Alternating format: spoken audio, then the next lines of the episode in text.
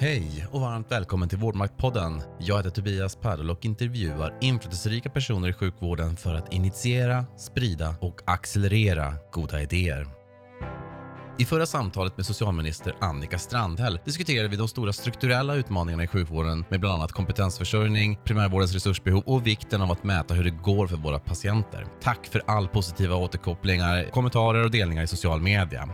Idag samtalar vi om utmaningar och lösningar med Stefan Stenmark, disputerad infektions och smittskyddsöverläkare i Västerbottens läns landsting på Norrlands universitetssjukhus och som även är ordförande för Strama, Samverkan mot antibiotikaresistens.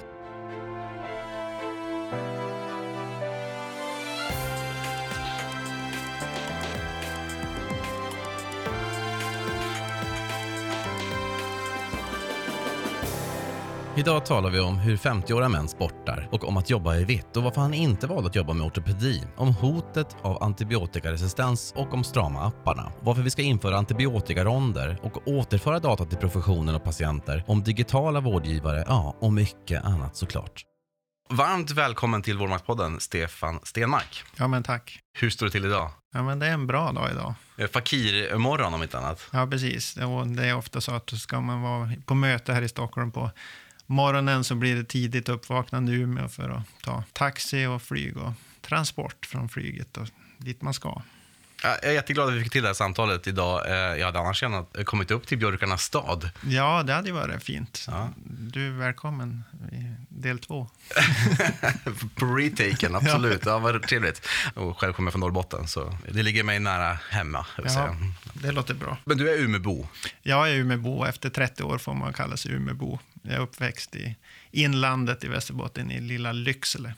Ja, just det. Där det finns ett sjukhus. Där det också finns ett sjukhus, ja. Eh, där man remitterar patienter från Storuman bland annat. Precis, precis. Man har AT också fortfarande? Eller har ja, man, man har AT i Lycksele. Mm, precis. Du är ju ordförande för Strama, Samverkan mot antibiotikaresistens. Vad brukar du säga att din roll är och vad Strama gör för något? Jag brukar sammanfatta Stramas budskap med att det handlar om patientens rätt till bästa behandling mot infektioner samtidigt som vi har en sjukvård som arbetar mot antibiotikaresistens. Så det handlar ju om att eh, se till att människor går att bota när de har svåra bakteriella infektioner. Nu och i framtiden. Det är det som var målet med Strama när vi bildades för över 20 år sedan. Och det är exakt samma mål idag. Din roll som ordförande? Och du beskriver ja, alltså hur jag är ordförande för det, för det nationella arbetet som ska samordna och, eh, och, och utveckla Eh, Sveriges kommuners landst eh, landstings arbete mot antibiotikaresistens. Eh, och, och det handlar ju mycket om att det är det lokala arbetet som man kan göra skillnad. Det är ju när man på lokal nivå är ute och hälsar på på kirurgkliniken och har en dialog med kirurgerna som man kan prata om kirurgisk profylax. Det är ju på vårdcentralen tillsammans med doktorerna och sköterskorna där som man kan påverka deras verksamhet. Så det nationella ska på något vis understödja det lokala, för det är där jobbet görs till förändring. Och det, det är väl den erfarenhet vi har av 20 år av stramarbete, att lokal närvaro, behålla samma, samma inriktning, samma fokus, återkomma med liksom det här budskapet är viktigt, hålla linjen år efter år. Det är det som har gjort att väldigt många i vården vet vad Strama står för och vad jobbar för. Och väldigt många vet eh, mycket mer nu om antibiotikaresistens än man gjorde tidigare. Det var det här enträgna arbetet med samma fokus. Uh, har du hunnit lyssna på några samtal i Vårdmaktpodden? Jag har lyssnat på ett par stycken. Det är ju intressant att lyssna på eh, lite längre samtal kring frågor. Att, uh, var står vi i vården idag? Var, var är vi på väg? Att, att, få ett lite längre samtal med nya perspektiv. Jag menar, det, det är ju intressant. Vad är ditt första minne av sjukvård? Ja, det är väl något besök när jag var barn, när man gick till vårdcentralen. Kommer du ihåg gick till det? Farbror doktorn. Ja, jag kommer ihåg, jag har något minne. Sen har man ett minne av någon sån här hårdhänt skolläkare också som ska göra någon undersökning. Det luktar aceton. så ett luktminne också? Ja, ett luktminne. Jo, men jag tror att det... Som flår, alltså flårskällningen? Ja, precis. Jo, men jag tror att de tvättade huden. Jag tror att det var redan här, när de skulle sätta BCG, alltså tuberkulosvaccinering, då tvättade de huden med... Det luktade aceton, så att hela mottagningen tyckte jag luktade aceton.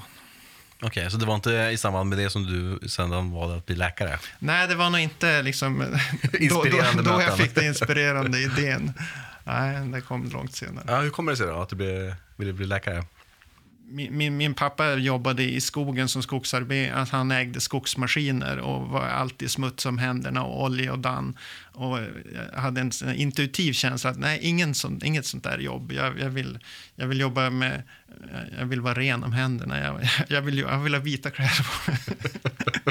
jag vill göra något annat. Nej, men det var väl en kombination att, att det var roligt med de naturvetenskapliga ämnena. Att det var liksom fascinerande med liksom ämnen som, som också finns inom, inom medicin. Eh, och att det, det var ett jobb som Ja, men det handlar om att träffa folk. Det handlar om att man hade ju en idé om att, att göra skillnad, eh, att, att hjälpa folk. Och hade idéer om att jobba både i Sverige och utomlands. Och, ja, det var mycket som vägde ihop där och som kändes positivt. Du studerade sen i Umeå. Ja, precis. Eh, Hur kommer det sig att du blev i Umeå? Ja, det var ju det, var ju det närmaste. Ja. Eh, Jag var väl inte så, jag var väl inte så tuff som 19-20-åring när jag sökte, så att jag, jag valde det närmaste. Var du IKSU-aktiv? Ja, jag, var, jo, jag hängde nog rätt mycket och tränade på Iksu. Ja. Ja, träning är väl en av mina hobbys i livet, så att, och det var det redan då. Så att, eh, absolut, Iksu är ett bra ställe. Vad tränar du då? Eh, Allt som har med kondition och uthållighet att, att göra. Allt från skidåkning till springa Ja, till... sk- längdskidåkning har varit min passion sedan barnsben och är fortfarande det, det jag gör helst. Men eh, det har varit mycket springa ut i skogen och åka längdskidor och eh, ja, men sånt här som är svettigt och jobbigt. Men jag åker Vasalopp och Marcialonga och håller på med swimrun och ja, men sånt här som eh, 50-åriga män som gillar att träna gör nu för tiden. Så då undrar man ju så här, hur kommer det sig att du valde att bli infektionsläkare? När jag skulle söka mitt första vick efter att jag hade gått utbildningen, då valde jag mellan ortopedi och infektion och såg till att få ett vick på vardera ställena ett halvår efter varann. Och trivdes bra på båda. Det var roligt också att börja lära sig att borra och såga och skruva i folk inom ortopedin. Men, men jag gjorde en slags utvärdering sen. Okej, jag, jag kommer säkert att bli, påverkas av mina kollegor. Vilka vill jag bli som i framtiden? Och ortopederna var jättetrevliga en och en, men i grupp så tyckte jag att de var lite machoaktiga. Det var lite tuff stämning där som jag inte riktigt kände mig bekväm med. Eh, infektionsläkarna, de var mer humanister och, och var liksom... Ja, de hade mer en, en livshållning som, som jag kände mig trygg med. Så att det var mycket det jag baserade mitt val mellan infektion och ortopedi på. Ska jag bli åt, på ena viset eller andra viset? Du, om jag ringer dig eh, när du jobbar som infektionsläkare kliniskt och berättar att jag har en sjuårig tidigare frisk tjej som har fått plötslig feber och frossa och huvudvärk, diarré och muskel och ledvärk och svaghet och trött och utmattning. Och hon har även klagat lite över bröstsmärtor och så har hon en liten hudrodnad också som kanske är i armhålan och så finns det en svullen liten öm lymfkörtel där som gör ont när man tar på den. Vad tänker du då på? Ja, hon hade väldigt mycket symptom, men hon, men hon, hon har också symptom som harpest. Ja, vad roligt att ta upp det. Så, som, eftersom jag har ägnat åtta år av mitt liv åt den sjukdomen. Så om hon hade befunnit sig i min eh, landsända så skulle hon kunna ha haft harpest. Ja, absolut. Och det var klart därför jag tog upp det. Eh, Den här eh, intressanta bakterien Francisella tularensis orsakar ju harpest. Jag tittar igenom dina ar- artiklar här och därav frågan som sagt var. Vad brukar du säga att din forskning har kunnat påvisa? Ja, det jag forskade på var ju hur, vad händer när den här bakterien kommer in via huden? Eh, oftast i Sverige så smittas man ofta via myggstick. Eh, och så den ska in via huden och vaccinet som finns, även om det bara är på licens, går via huden. Så det vi tittade på var immunitetsutveckling lokalt i huden. Eh, och en, något som jag lärde mig var ju att eh, huden är otroligt immunkompetent kan säga, organ. Det, det är inte bara liksom en galonskydd, utan vi har otroligt mycket immunförsvar och både primärt immunförsvar och, och minnesimmunförsvar i huden. Vi som jobbar i sjukvården eh, vi har ju ofta exempel på tillkortakommanden i vården. Mm. Där vi ibland gör fel eller där vi missar någonting till exempel. Har du något bra fall som man bär med sig? Du vet, man har gjort vad man har missat kanske någonting eller att man har uppmärksammat någonting som där, där vården kom till korta så att säga. Något jag har tänkt på rätt ofta är att försöka nollställa mig inför, inför ett besök och ett möte. Man kan bli så påverkad av sån här förhandsinformation man får. Någon säger, kan du gå in och bedöma den där personen i det där rummet med, med lunginflammation? Bara de har liksom hintat om att de tror någonting. Och så går man in i det rummet och tror att man ska möta en person med lunginflammation. Eh, så man är som inställd på det tills man liksom själv har bildat sin uppfattning. Och det tar otroligt lång tid om jag tror att lunginflammationen är på väg in och så är det inte det. Har du själv behövt söka vård någonting eh, i närtid? Nej, inte i närtid. Eller är det som anhörig varit i kontext eh, med ja, sjukvården? Ja, som anhörig har jag varit. Är, är det några reflektioner som du har gjort utifrån det perspektivet som du nu tänker på aktivt i din roll, vare sig det är stram ordförande eller i, i klinisk verksamhet? Man, jag har ofta slagits av vad bra det fungerar. Eh, men sen, vård är komplext. Och att, att det, finns, det finns många nästan som skulle nästan behöva en, en, en guide vid sin sida för att, för att hamna rätt i vården. Så att det blir rätt på en gång.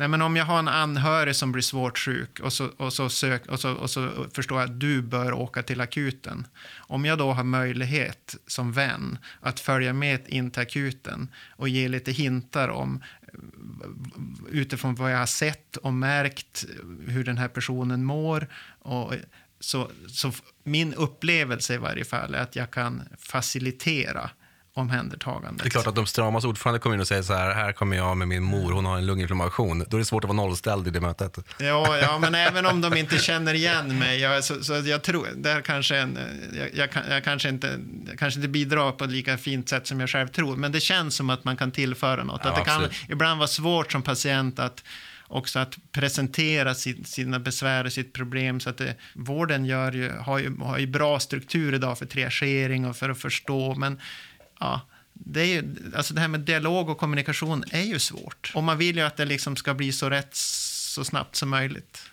Du är ju också smittskyddsöverläkare. Mm. Um, och hur kommer det sig att du engagerade dig i Strama? Mitt engagemang i Strama det började redan under min ST-utbildning till infektionsläkare. Uh, alltså som infektionsläkare är det ju så väldigt uppenbart att vi, vi har stor nytta av antibiotika när folk är sjuka när, när, när folk har blodförgiftning, svår lunginflammation etc.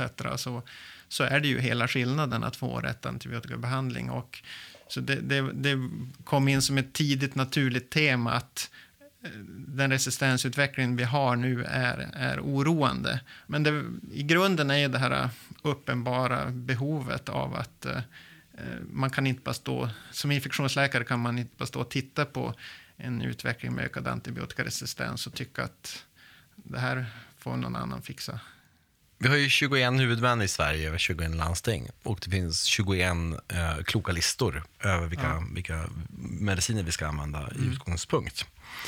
Men det finns, det finns, inte, finns det 21 biologiska sanningar? Nej, det finns det inte. Och, och just för att vi inte tror att det finns det, så bara nu i veckan så har vi lanserat en ny app med rekommendationer för hur man ska behandla infektioner på sjukhus. Framförallt samhällsvärvade infektioner. Vi har försökt ensa de här 21 olika rekommendationerna till en rekommendation. För vi är inte ett större land och vi lever inte i något annat universum eh, än någon annan. Så att vi, vi tror att vi ska kunna ena oss kring en rekommendation i Sverige. Ja, men det är jättebra. Och jag, det var bra att du tog upp det, för att jag kommer länka till den appen från min, både min hemsida och i samband med det här ja. avsnittet. Och där finns också, vi har en primärvårdsflik också. Det finns ju en, en berömd behandlingsrekommendation som kall, brukar kallas regnbågshäftet för primärvården. Den har funnits i några år som togs fram mellan, i samarbete mellan Folkhälsomyndigheten och Strama och Läkemedelsverket. Så att det finns en primärvårdsflik också. Men är du själv restriktiv med antibiotika till dig själv? Ja, det, det skulle jag vilja påstå.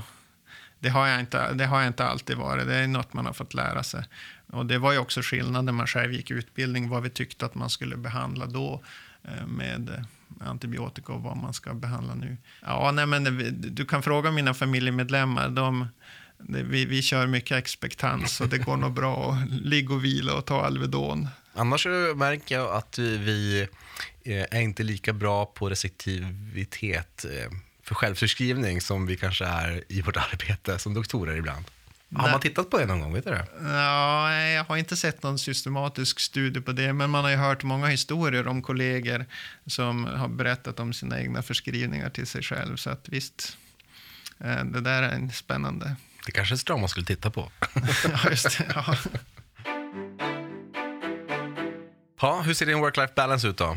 Ja, nej, men jag tror eh, man kan inte alltid få ihop livspusslet eh, som, man, som man vill, utan man får prioritera, göra olika prioriteringar i olika faser i livet. Korta perioder kan man ju jobba liksom för mycket, men, men långa, långa perioder då, då kommer man att fara illa av det. Eh, och jag tror inte att det blir något bra jobb heller. Eh, sen tror jag, jag, jag tillhör ju de som mår bra av att hinna med fysisk träning. Och så har jag lärt mig att när jag börjar tycka synd om mig själv, då har jag jobbat för mycket. när jag tycker att jag omges bara av idioter och sådana som, då, då, då är det dags att dra i handbromsen. ja, intressant. Uh, det kanske vi alla borde göra. När man har små barn, jag har själv två små barn, två, tre år gamla. Var, var du pappaledig någonting? Ja, mer, jag har tre barn som jag varit pappaledig med. jag, var, jag var längre och längre för varje barn. Jag skulle behövt några barn till för att vara riktigt länge. Och jag var hemma sju månader med tredje barnet. Har det alltid tagits emot positivt och utan problem att kunna vara pappaledig? Ja, på mitt jobb så var det helt okomplicerat. Det, det var inga problem.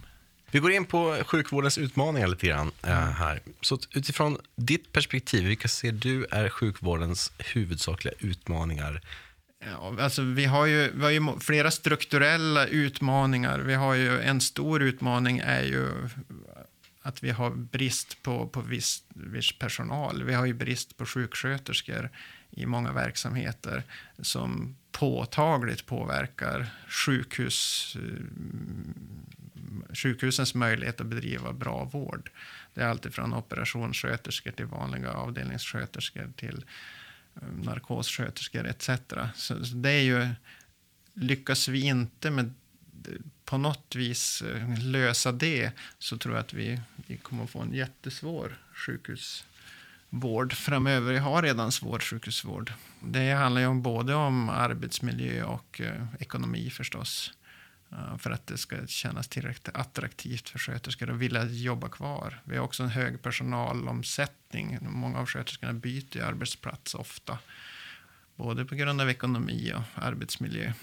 Och det där sänker ju kompetensen i, på, på, en, på en arbetsplats om man har hög personalomsättning. Kan man se det även i utfall utifrån eh, Strama-perspektivet?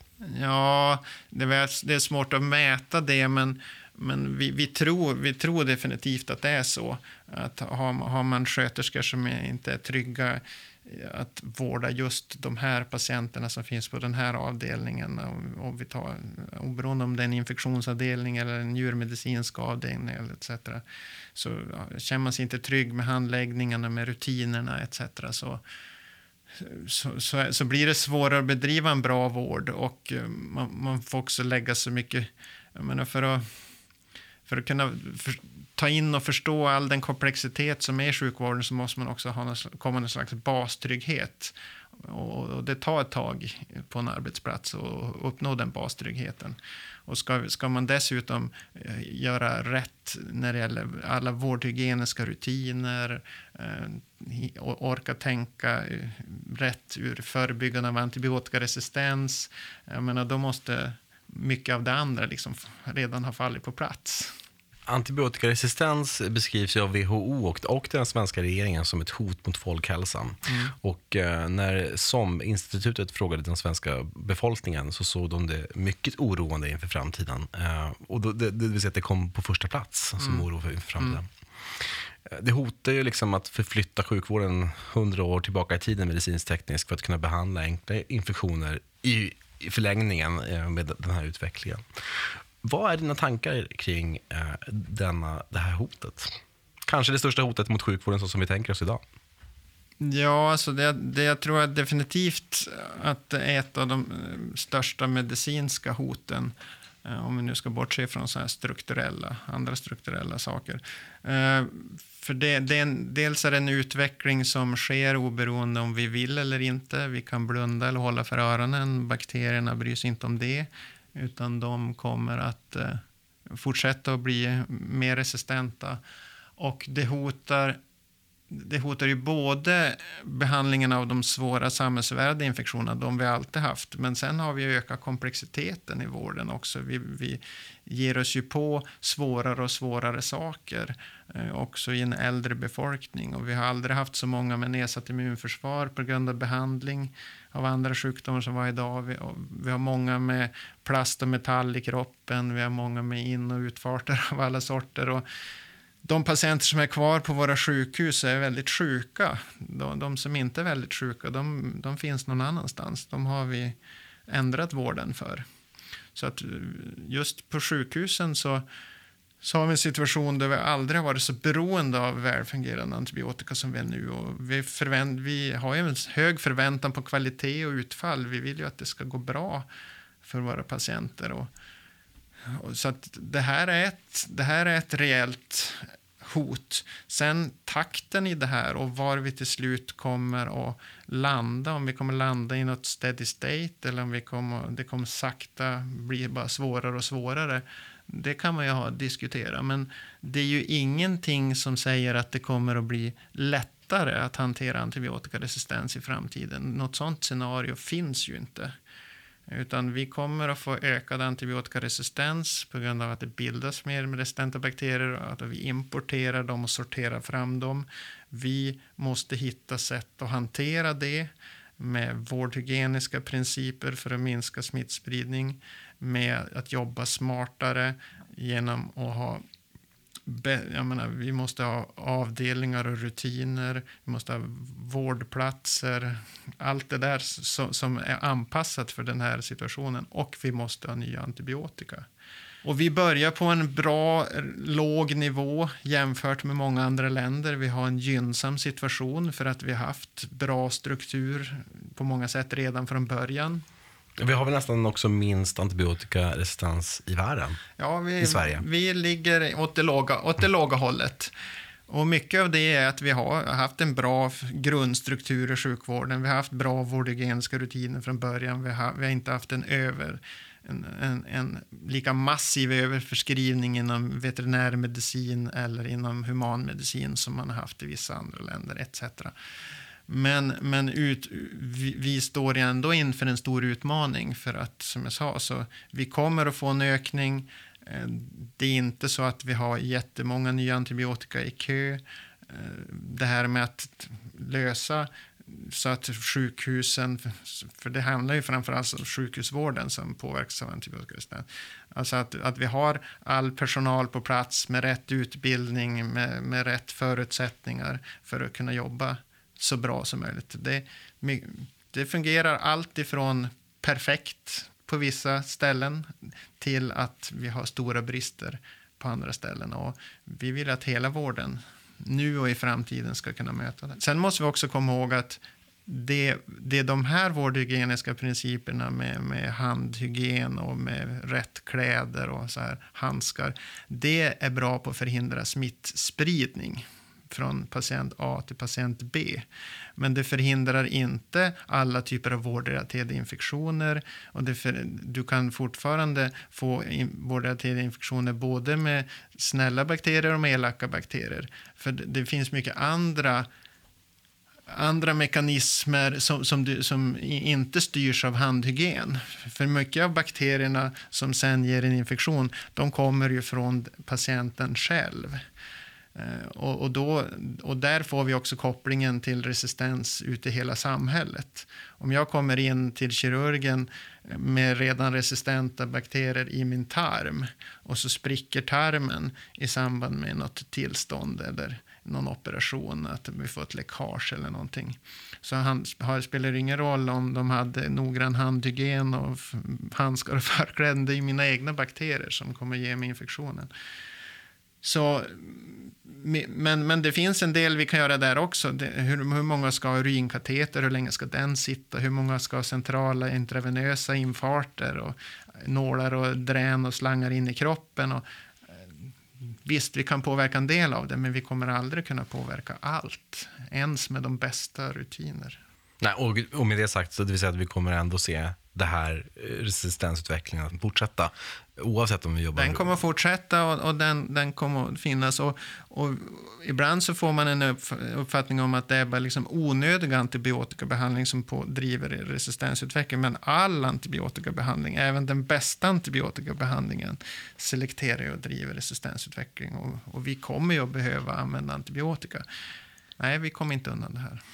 Jag studerade ett uh, utbytesår uh, under läkarstudierna i Madrid, Spanien. Mm. Och uh, där var det ju stora problem med antibiotikaresistens på avdelningarna och mm. patienterna.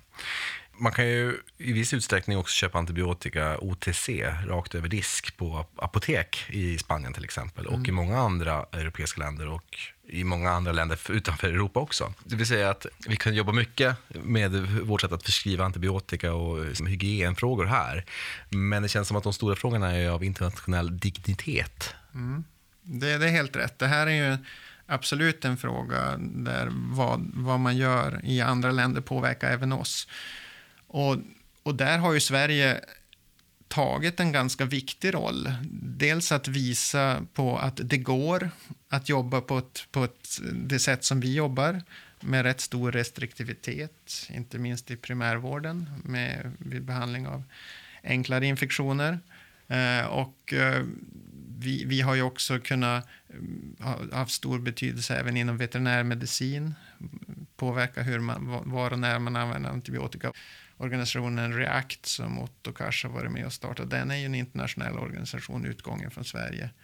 Eh, så att eh, Sverige har, tar och har tagit ett stort ansvar för att få till stånd en internationell förändring. Eh, och, och, och, det går ju alltid långsammare än man vill, men det är i varje fall en rörelse som har börjat nu i de flesta länder som vi inte hade förut. Och vi hade ju ett högnivåmöte på, i FNs generalförsamling i september i fjol där, där alla världens länder var där och beskrev hur man ville och behövde jobba mot antibiotikaresistens. Det var ju liksom ytterligare ett exempel på att det här är uppe på agendan nu. Har du sett någon sån skräcksiffra kring eh, antibiotikaresistensutvecklingen? Och om 2040 så är alla bakterier liksom resistenta och vi har inga antibiotika kvar att jobba med. Jo, det finns ju definitivt. Eh, det finns ju många apokalyptiska scenarier. Jag menar, det räcker ju med den här eh, Världsbankens eh, sammanställning av ekonomiska konsekvenser fram till 2050 eller konsekvenser för dödsfall i, på grund av antibiotikaresistens fram till 2050. Det, det, Vad säger den? Ja, den säger att vi kan ha 10 miljoner dödsfall år 2050 på grund av antibiotikaresistens i världen. Eh, det skulle vara fler dödsfall än i cancer det året. Eh, och att det påverkar totala världs-BNP med många procent och att det ökar svält och fattigdom i världen och minskar livsmedelsproduktion etc. Men den rapporten säger också att om vi investerar miljarder så sparar vi triljarder eller triljoner, hur man uttalar det. Alltså det den, den, visar också att preventiva insatser ger ett utfall, positivt utfall, en krona in, tusen sparade. Så att eh, i sin apokalyps så är den ju också positiv, att det finns saker som går att påverka, att vi har det i vår makt om vi vill prioritera det. Och det, det tycker jag överhuvudtaget är, det, det brottas jag med varje vecka i mitt arbete, att jag kan väcka vilken tjänsteman och politiker som helst mitt i natten och fråga dem om antibiotikaresistens. Är det en viktig fråga? Ja, det är en viktig fråga. Det är en strategiskt viktig fråga. Det är ett hot mot framtida sjukvården. Men i relation till hur viktigt alla säger att det är, men hur mycket satsar vi i praktiken mot de kända preventiva åtgärderna, insatserna, hur mycket commitment har vi verkligen investerat? Eh, där, där tycker jag fortfarande att vi har en stor diskrepans. Eh, vi, vi, vi kan Sverige är ett bra land, vi har bra sjukvård, vi har ett relativt gott läge när det gäller antibiotikaresistens. Men, men vill, vi, vill vi göra mer så, så kan vi göra mer. Och jag tror att vi måste göra mer. Utifrån en internationell kontext så kom WHO först 2016 ut med det här initiativet GLASS. Väl sent kan man tycka. Alltså det var ju bara förra året som man satte på WHO-kartan att nu ska folk börja rapportera in detta med resistens. Vad säger vi om det? Det har ju tagit flera år att gå från idé till, till handling. Att börja få, och det handlar ju ändå bara om att få in rapporter på hur ser resistenssituationen ut i ert land. Det, det, poängen med det är ju att det ska ge feedback och, och motivation till att göra någonting åt det. Så det är ju... Att bara börja mäta till att börja med? Det, det, är bara, det, är att börja mäta och bli uppmärksam och, och, dela med sig av sina data. Eh, det innebär ju inte per automatik att man gör aktiva, rätta åtgärder mot det. Men, men det är ett, ändå ett viktigt första steg. Jag tror, precis som vi har lärt oss på, i, i, den, i den lilla skalan, så tror jag att det kommer att betyda i den stora skalan, det här med att feedback, titta på sina egna data det, när stra, det som har fungerat allra bäst inom Strama, att, att förändra beteende, det är att visa människor sina egna data på en liten enhet eller till en individ. Så här ser din förskrivning ut, eller så här jobbar du. Rak feedback och så pratar man om, om vad man ser i sina egna data. Mm på ett, ett lärande sätt. Det, det, har, det är oerhört effektivt till förändring. Och ni har sett det också? Att ja. det får direkt konsekvens? Absolut. Ja. absolut. Eh, för jag, du, du har ju lyssnat på podden, men det är något som jag oftast, ofta tar upp, det här med vikten av att börja mäta och visualisera utfall och återkoppla det till de som jobbar i vården. Mm. För Strama kommer ut eh, på kliniknivå till exempel och, och drar de här dragningarna ungefär en gång om året, eh, åtminstone på den kliniken som jag var på. Men kliniken som sådan hade, gör ju inte det, utan det är ju Strama som har kommit ut och gjort det. Mm. Uh, och jag vet att det har fått en stor impact i just uh, antibiotikaförskrivning lokalt. Mm. Uh, man, man, vill inte vara dålig. Nej, alla, alla vill göra ett bra jobb. Ja. Och, det, och, det, är den utgångspunkt man hela tiden ska ha. All, alla vill vara duktiga, alla vill göra ett bra jobb. Sen har vi ibland lite dålig förmåga att bara själv bedöma om huruvida vi följer riktlinjer och sådär. Och det, men får man titta på det, prata med kollegor, eh, gärna öppet visa varandra. Hur gör du? Så här gör jag. Eh, här, så här tänker vi här. Är det något vi kan förändra kanske? Eh, kan man ha en sån öppen dialog på sin arbetsplats, då sker förändringar. Jag har hur många exempel som helst på det en liten sån tanke som jag, du kunde gärna få ta med dig, men jag skulle gärna se att man hade tillgång till den datan mer frekvent. Mm. Så att man kunde ha det som ett, på APT, liksom, så varje gång, varje mm. månad, bara en mm. kort, bara, så här ser det ut just nu. Um, Men vi har, vi har enheter ja. som gör så. Ja. Och, och, det är ju, vi vill ju också att, att enheterna själva ska ta ägarskap för sina egna data. Visst är det jättebra att Strama kommer ut och visar data och, och lyfter frågan. Men vi vill ju bygga in det här i, i enheters egna uppföljningssystem och att de ska känna ägarskap. Det här är vår förskrivning eller vårt utfall, våra data, vad det nu handlar om. Och vi tittar på det själva för vi tycker det är viktigt. Så vi har, vi har en vårdcentral i centrala Umeå som varje månad tittar på sina data tillsammans med sina medarbetare när det gäller antibiotikaförskrivning och annat också. Smärtlindrande, sömnmediciner och annat. Mm. Eh, och jag menar, de har verkligen de har tagit till sig att det, det, så här jobbar vi. Det här är viktigt hos oss. Eh, och där kanske man kan få hjälp av den lokala Strama-gruppen om att, eh, hur, hur, får man ut datan på ett bra sätt i de ja. systemen vi sitter i. Ja, så att mycket av det strategiska arbete som vi jobbar med nu på nationell nivå, det är att, att det ska att hjälpa landsting och regioner att, att ha system så att de får, kan ge bra återkoppling av data. Och då ska det vara diagnoskopplade data. Och både på sjukhusen och i primärvården.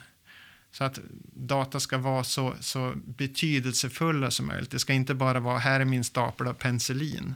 Utan det ska vara okej, okay, till vilka diagnoser har jag använt penicillin? Eller när jag behandlar urinvägsinfektion, vilka preparat har jag då använt? När jag behandlar eh, halsfluss, tonsillit.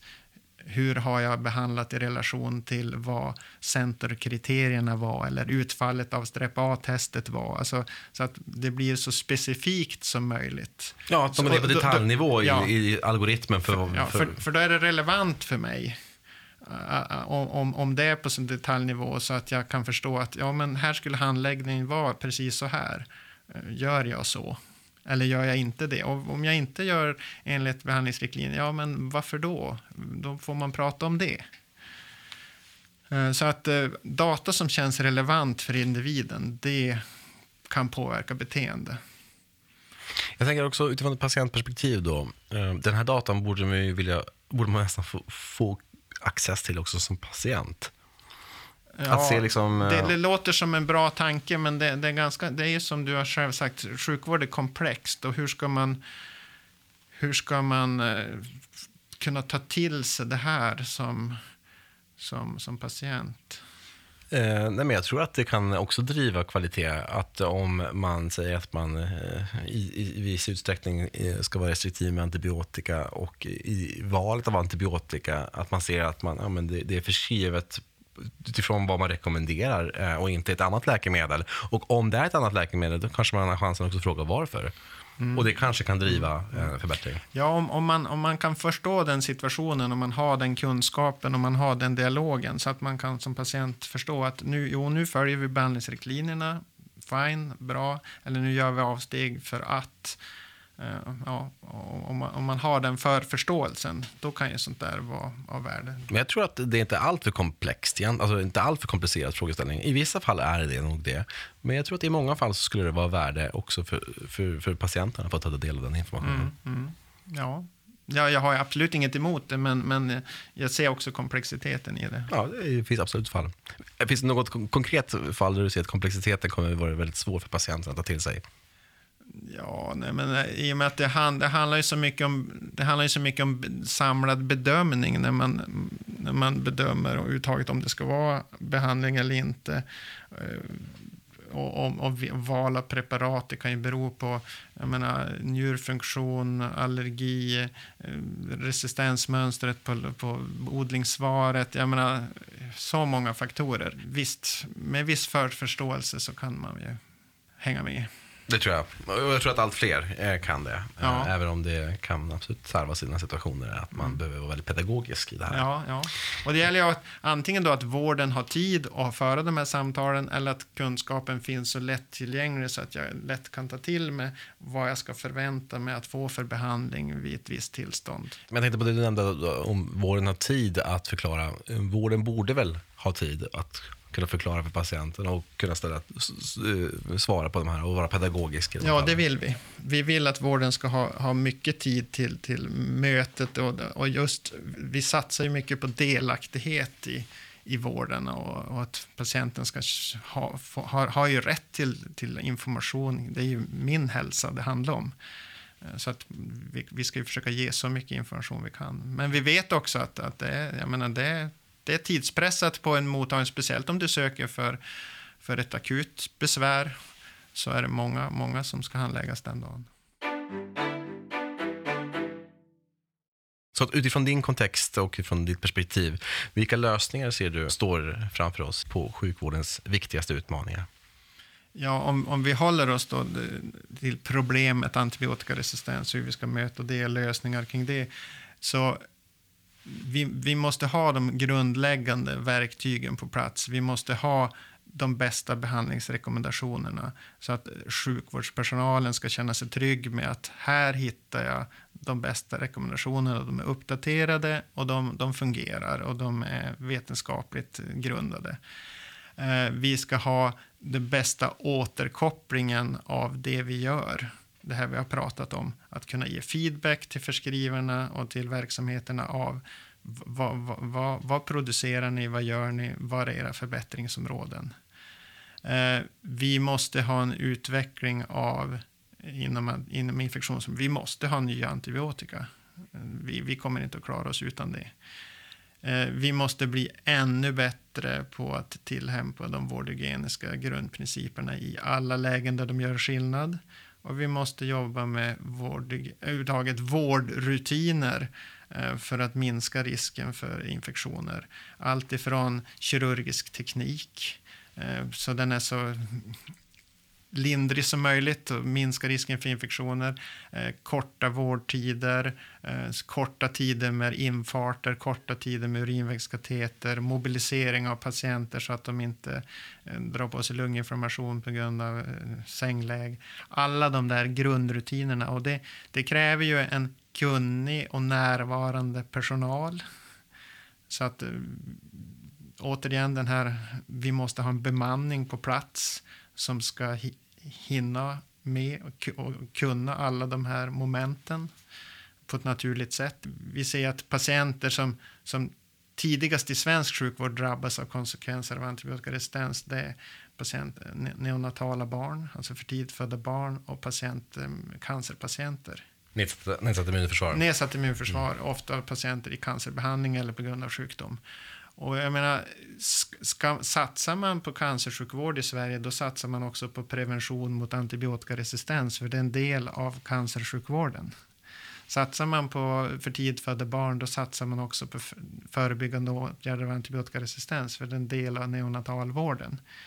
Men, alltså, men... Att det, gäller att, att, att liksom, det här är inget add-on det här vi jobbar med, utan det här är en integrerad del av sjukvården. Och, och, och jag, jag, känner inte riktigt att, att det där tänket har fått riktigt acceptans.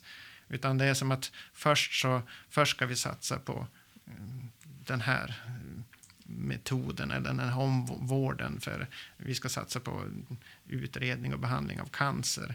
Och det är ju jätteviktigt. Jag har full, fullt fokus på det. Men, men att man, man måste bygga in hur ska vi i det också klara den här situationen vi har med antibiotikaresistens i cancervården. Jag tänker på det, du, du nämnde det själv här nu som ett, ett, en, en viktig insats att man ska veta var man hittar information. Men ska man behöva veta var man hittar information idag? Borde inte det alltid vara det är en del av liksom beslutsstödet när du jobbar? att eh, det, Ska du skriva, förskriva någonting, ja, men då då kommer det upp vad du ska förskriva. Liksom. Ja, det, det, det, vill vi. vi Minimera men, liksom individens uh, alltså, möjligheter att, att, att go, go wild. Go wrong. ja, exakt. Ja, nej, men, uh, vi, vi har ju oerhörd förbättringspotential, eller vilket fint ord man ska uttrycka sig, med, med beslutsstöd. Och att få dem integrerade. Det är klart att jag i min patientjournal, i min vårddokumentation i förskrivningssituation ska ha tillgång på ett, ett helt naturligt sätt eh, det som är rekommenderat för, i den här situationen. Och, och, nästan för vissa läkemedel också sånt där, om du föreslår det här så ska det nästan komma upp ett pling. Varför, varför föreslår du det här? All den här informationen finns ju redan i våra system, men den är inte integrerad, den är inte, den är inte, det är ingen artificiell intelligens adderad till systemen som det borde kunna vara 2017. En annat eh, gott exempel som jag tycker är Strama, eh, eller som kommer ur Stramas arbete är antibiotikaronder. Mm. Jag vill berätta lite grann om vad det är och hur ja, det kan Antibiotikaronder det är, ett det är ett sätt att skapa struktur i uppföljning av förskrivning på sjukhus. De här 20 åren vi jobbar vi har haft stor fokus på primärvården, uppföljning och feedback i primärvården. Antibiotikaronder det är ett sätt att skapa uppföljning och struktur i slutenvården på en sjukhusavdelning. Eh, och det, målsättningen är ju att en, en insatt behandling på en sjukhusavdelning ska följas upp inom 48 till 72 timmar. Då ska man utvärdera. Har vi rätt diagnos? Har vi rätt eh, behandling? Har vi rätt dos? Behandlingstidslängd? Har labbsvaren kommit in? Har vi anpassat efter odling? All, all, all den här strukturerade uppföljningen. Och och det där kan man ju säga, det borde väl fungera automatiskt på varje patient eh, och, av alla doktorer. Så här. Men verkligheten säger att det är svårt att göra det där jättebra om man inte är specialintresserad av infektionssjukdomar och infektionsbehandling. Att man är infektionsläkare? Typ.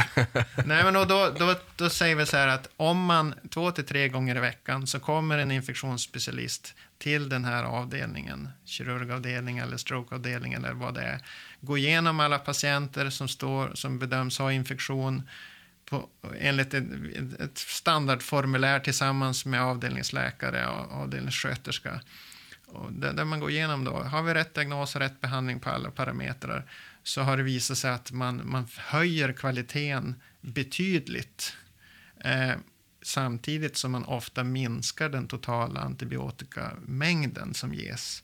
Man förkortar ofta antibiotikatiden med antibiotika. Antingen att man inser att det här är ingen infektion sett ut eller att man förkortar behandlingstiderna. Så det har gjorts en, en studie på fyra medicinkliniker i Malmö där man gjorde det här under några månader och man såg att man Eh, kunde minska an, mängden antibiotika som ges med eh, för en fjärdedel. Eh, och man hade bibehållen patientsäkerhet, man hade inte, eh, inte fler dödsfall, man hade färre som återinskrevs med samma diagnos. Så att man såg kvalitetsförbättringar och minskat antibiotikatryck. Och det här vill vi breddinföra på alla akutsjukhus i Sverige. Eh, att det ska vara antibiotikaronder på alla relevanta avdelningar. Så akutsjukhus och, och, och avdelningar där man, där man har en hel del infektionsbehandling. Eh, dit ska det komma en infektionsspecialist och, och göra det här. Även geriatriska sjukhus kanske? Eller absolut. Minst, för där absolut, absolut. Det här kommer ju att kräva rätt, rätt mycket struktur då. Att, få de här, att ha tillräckligt många infektionsläkare, specialister i det här som, som kan gå runt på alla de här och avdelad tid och så. Men vi har räknat på att om man skulle, om man skulle vilja nå 10 000 vårdplatser två gånger i veckan, en timme per gång, så i Sverige så handlar det om 13 heltidstjänster infektionsläkare skulle kunna täcka 10 000 vårdplatser. Eh, och det är ju fullt realistiskt. Men eh, jag tänkte på Region Skåne vet jag har kommit långt ja. med det här. Eh, var, varför finns det inte redan idag överallt? Vi har ju en lång tradition att gå som konsulter. När någon ber oss komma så kommer vi att svara på en vi fråga. Vi är reaktiva. Ja, vi har varit reaktiva. Men att vara proaktiv, den diskussionen har inte funnits så länge i Sverige. Vi försöker få till ett commitment att, vi, att det här ska verkligen breddinföras i Sverige. Men det tar lite tid för att det, det är, det är såna rena schematekniska saker att ha läkare som får, in det i sin, sin grundarbetstid att då och då ska du vara där och där ja, och inte precis. göra något annat. Operativt så är det lite mäckigt. Och det ska funka alla veckor och ja, du vet. Har vi allt det här på plats så, så tål vi mer antibiotikaresistens i omgivningen innan vi får konsekvenser för våra patienter. Och det är mycket det det handlar om. Hotet runt omkring oss, det yttre hotet kommer att öka. Vi vill behålla kvaliteten vi måste ha höga barriärer då via kompetens, vårdhygieniska principer, bra vårdrutiner, bra sjukhus och rätt personal, utbildning. Allt det där är liksom vaccin mot konsekvenser av resistensen. Men jag tänker just det här med antibiotikaronder, det, är det taget utifrån, utomlands ifrån? För att jag vet att det finns liknande initiativ ja, det eh, lokalt. Fin, ja, det, det, här har poppat upp eh, bara nu senaste ett, två åren. Det här händer parallellt i Sverige, i USA, i England, i Frankrike, Holland. Så att det är många länder nu som, som kommer till samma lösning. Mm. Eh, för att man kan inte förvänta sig att alla specialiteter också ska vara jätteduktiga på att behandla infektionssjukdomar. Och det viktiga här, så när vi går ut med det här, att det här ska breddinföras, att det här är inte det här är inte infektionsklinikens ansvar på ett sjukhus bara, utan det här är sjukhusets resurs. Ska man ha antibiotikaronder så är det en sjukhusstrategisk satsning för det här sjukhuset. Visst, vi använder infektionsspecialister, men, men, men det ska vara liksom sjukhusets strategiska kvalitetssatsning att vi ska jobba så här. Om man vill lära sig mer om det här med antibiotikaronder eller för den delen hur man kan jobba strukturerat med utfallsmått och liksom antibiotikaförskrivningsmönster. Vad är dina tips då? Ska man eh, prata med den lokala Strama-gruppen? Ja, det är väl det naturliga, att, att, att, att kommunicera med sin lokala Strama-grupp. Eh, och eh, då kommer man säkert att komma så långt man, man behöver komma och det är också där man kan vara med och påverka. Eh, vill man ta kontakt med, med oss i programrådsdrama och höra våra erfarenheter eller så, så är man också välkommen att göra det. Och vi försöker ju också, under det förra året så hade vi flera workshops där vi fokuserade just på antibiotikaronder och vi kommer att fortsätta i utbildningsinsatser och eh, både regionalt och nationellt att, att, att lyfta den här utvecklingen. Då kommer vi in på en annan fråga och det är digitala vårdgivare. Det har ju varit en del debatt om digitala vårdgivare och receptförskrivningar, inte minst av antibiotika. Eh, och eh, ni har även eh, engagerat i frågan och både haft möten med, med digitala vårdgivare och skrivit eh, insändare. Vad är dina tankar så här i det tidiga skedet av den här utvecklingen med digitala vårdgivare? Alltså vår ingång i det här är ju att okej, okay, det här är ett sätt att bedriva sjukvård på, men vi har samma förväntningar på patientkvalitet och utfall och uppföljning. Att de vill ha dialog, eh, vi ska titta på data, vi ska sträva efter bästa kvalitet och vi ska jobba på ett sätt som motverkar antibiotikaresistens oberoende vem som är vårdgivare. Sen får man ju vara ödmjuk både som, som vårdgivare, som digital vårdgivare och som vi som ska eh, titt, hjälpas åt att titta på verksamheten att, att det, här är ju, det här är också nytt. Vi vet inte allt. Allt har inte satt sig än. Eh, vad är de bästa kvalitetsindikatorerna? Eh, finns det... Var är det helt självklart att det här fungerar top notch? Var kan vi få problem? Det är bra om man har en viss ödmjukhet i den här utvecklingen så att det blir så bra som möjligt. Jag hade ett samtal här tidigare idag. Ontario i Kanada, där har man eh, en bit över 50 procent av vårdkontakterna, mycket på grund av de geografiska avstånden. Eh, som Glesbygdsmedicincentrum är också ett bra exempel på mm. med virtuella vårdrum som har 80 procent nästan av vårdkontakterna från mm. de här mindre orterna där uppe mm. i, i, i Västerbottens inland. Um, Kaiser Permanente, eh, slutet på förra året, kom över 50 procent av vårdkontakterna. Mm. Det vill säga att det är stora, stora volymer som åtminstone i vissa isolerade öar av, av, av om du kallar det för framgång eller liksom eh, förändring, mm. eh, har, har, har, verkligen switchat här hur ja. man jobbar. Ja, jag tror, att, jag tror att vi kommer att se en, en stor förändring, en stor förskjutning. Och jag, jag, menar, jag har i min egen vardag också identifierat patienter som jag sköter via videokonferensmöte. Jag har behandlat hepatit C och B-patienter runt om i Västerbotten. Och det är alldeles utmärkt att, att vi, Eh, vi kanske har träffats någon gång live men att vi sköter behandling, uppföljning, återbesök via videomöte, det går ju jättebra. Och så tar de prover på vårdcentralen där de har sitt videomöte. Så det, det, jag tror att vi, det finns en stor potential i det här och, och det kommer att vara spännande att följa den här utvecklingen. Eh, men det, det är stor, stor skillnad i att, att följa en, ett, ett, ett kroniskt förlopp och de här akuta tillfälliga. Eh, så att eh, det gäller att, att man hittar det som funkar och det, det som blir bäst för, för patienten och i, i vårt fall då med knorren också bäst för antibiotikaresistensutveckling. Ja, men verkligen. Och, och det är därför som jag ställer frågan också, för att vi kommer in på det då. För jag vet att Strama-nätverket har bildat en arbetsgrupp som ska ta fram kvalitetsindikatorer för vård på distans. Precis. Eh, som på något sätt summerar det vi har pratat om här. Ja. Eh, och hur går det arbetet? Och vill du dela med dig om några insikter som ni har gjort Ja, det, det, arbetet är, är nu under gång och det handlar ju om kvalitet ur olika aspekter här. En kvalitet kan vara, eh, kan vi enas om att det finns en, faktiskt enstaka diagnoser som inte passar så bra för ett digitalt möte. Jag ja, menar, en akut eh, lunginflammation. Ja, det, är ja, men det, det, det, passar inte för ett digitalt möte, så då sätter vi ju ingen diagnos, inget kvalitetskriterium på behandling av akut lunginflammation, för att det tycker vi överhuvudtaget inte ska ska, ska handläggas så. Men då kan ju ett kvalitetskriterium vara ja, men hur, många, hur många lunginflammationer handläggs trots att vi båda är överens om att det inte ska handläggas.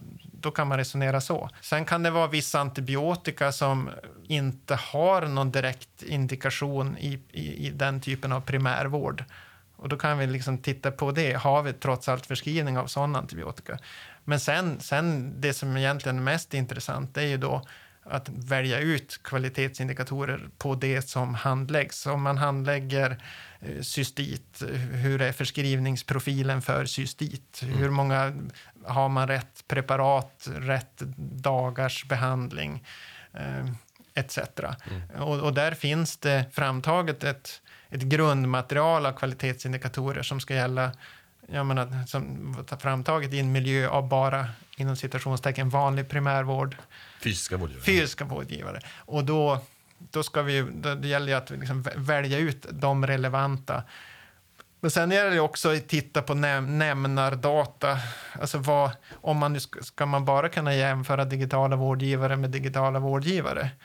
Eh, för vi är ju vana att eh, ha nämnardata som per per hundra eller tusen listade, listade ja, eller eh, sådär. Men, men det finns ju ingen typ av, sån typ av listning hos en digital vårdgivare utan då måste man ju titta mera per handlagda patienter. Och man, eller subgru inom subgrupper. Eller, eller, eller vissa, inom kön och viss kön ålder. och ålder. Och, ja, man måste ha andra nämnardata. Mm. Så att man måste ju liksom tänka några varv till för att göra, om man nu tycker att det är intressant, och jämföra mellan, mellan fysiska och digitala vårdgivare. Och eh, jag tror ju att, jag menar, min, min utgångspunkt är ju att alla digitala vårdgivare är superseriösa och vill göra ett bra jobb och vill vara transparenta med sina data.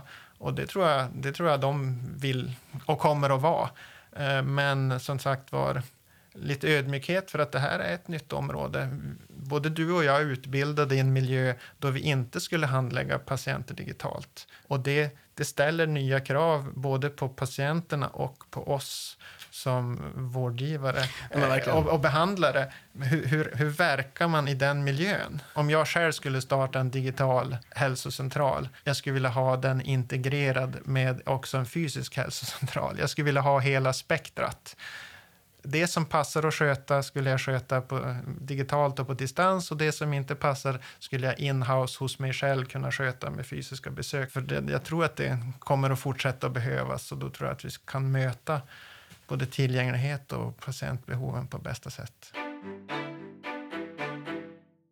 Jag tänkte gå in på några avrundningsfrågor. Vad vet du om sjukvården som du tycker att andra verkligen borde känna till? Wow att den mesta sjukvård som ges idag i Sverige är, är otroligt bra.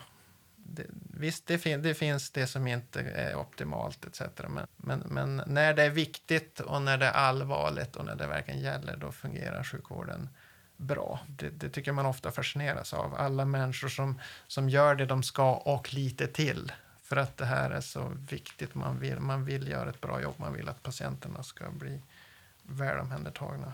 När blev du själv senast förvånad över något inom sjukvården? nej, nej, men det är nog mer ofta jag, jag blir så förundrad hur man kan eh, säga ett och göra något annat. Och då, då menar jag liksom på ledningsnivå eller på politisk nivå. Eller, eh, att, att jag inte ser liksom ett konsekvenshandlande som, som jag skulle vilja ha. Då. Um, finns det någon sjukvårdsinnovation som du hoppas ska vinna mark? Jag tror att det som skulle göra störst kvalitetsskillnad för svenska sjukhus det är om vi breddinförde antibiotikaronder. Jag, jag, jag tror inte det finns något som skulle vara mer effektivt än om vi fick en strukturerad uppföljning två, tre gånger i veckan på relevanta akutvårdsavdelningar. Vem tycker du ska vara med i Vårdmarkpodden? Eh, jag tycker att det skulle vara intressant att om Mats Bojestig var med och pratade om den nya eh, strukturen för kunskapsstyrningen inom SKL. När huvudmännen bestämmer sig för en ny struktur för att jobba med hur man ska ta fram nya kunskapsunderlag, hur de ska spridas, hur man ska samordna och effektivisera sjukvården och sjukvårdens kvalitet på bästa sätt när alla landsting och regioner är ta ett gemensamt sånt beslut så tycker jag det är en, liksom en stor process, en stor händelse som, som är väl värd att eh, fundera kring. Och, eh, vi kan ju ha fina styrdokument och fina det, men hur får vi ner det här i verksamheten? Hur kan vi återkoppla och följa upp och koppla upp det med kvalitetsregister och annat? Det, så det är en jätteprocess som, som kunskapsstyrningen handlar om. Och, uh, så det blir ett PM i ett pärm någonstans? Precis, och Mats Borgstig har varit drivande i det här och eh, en viktig person i den här utvecklingen. Och då tycker jag att det skulle vara intressant att höra mer om det. Om man vill nå dig? Man kan nå mig genom, man kan mejla mig. Jag har Stefan med ph, stefan.stenmark.vll.se. Finns du på Twitter? Jag finns på Twitter. Som, pri, som privatperson och som Strama finns jag på Twitter. Jag finns på Facebook. LinkedIn? LinkedIn finns jag också. Jag är ingen stor användare av LinkedIn, men jag finns där. Instagram? Instagram finns jag. Snapchat? Framförallt mina barn ser jag ju använda Snapchat, men jag, det har som inte varit funktionellt för mig med mina vänner. Är det något som du hade önskat eller tänkt att samtala om idag som vi inte har berört? Nej, jag tror nog att vi har täckt in det som jag tycker är viktigt. Stort tack eh, Stefan Stenmark för att du var med i Vårdmarkpodden. Tack.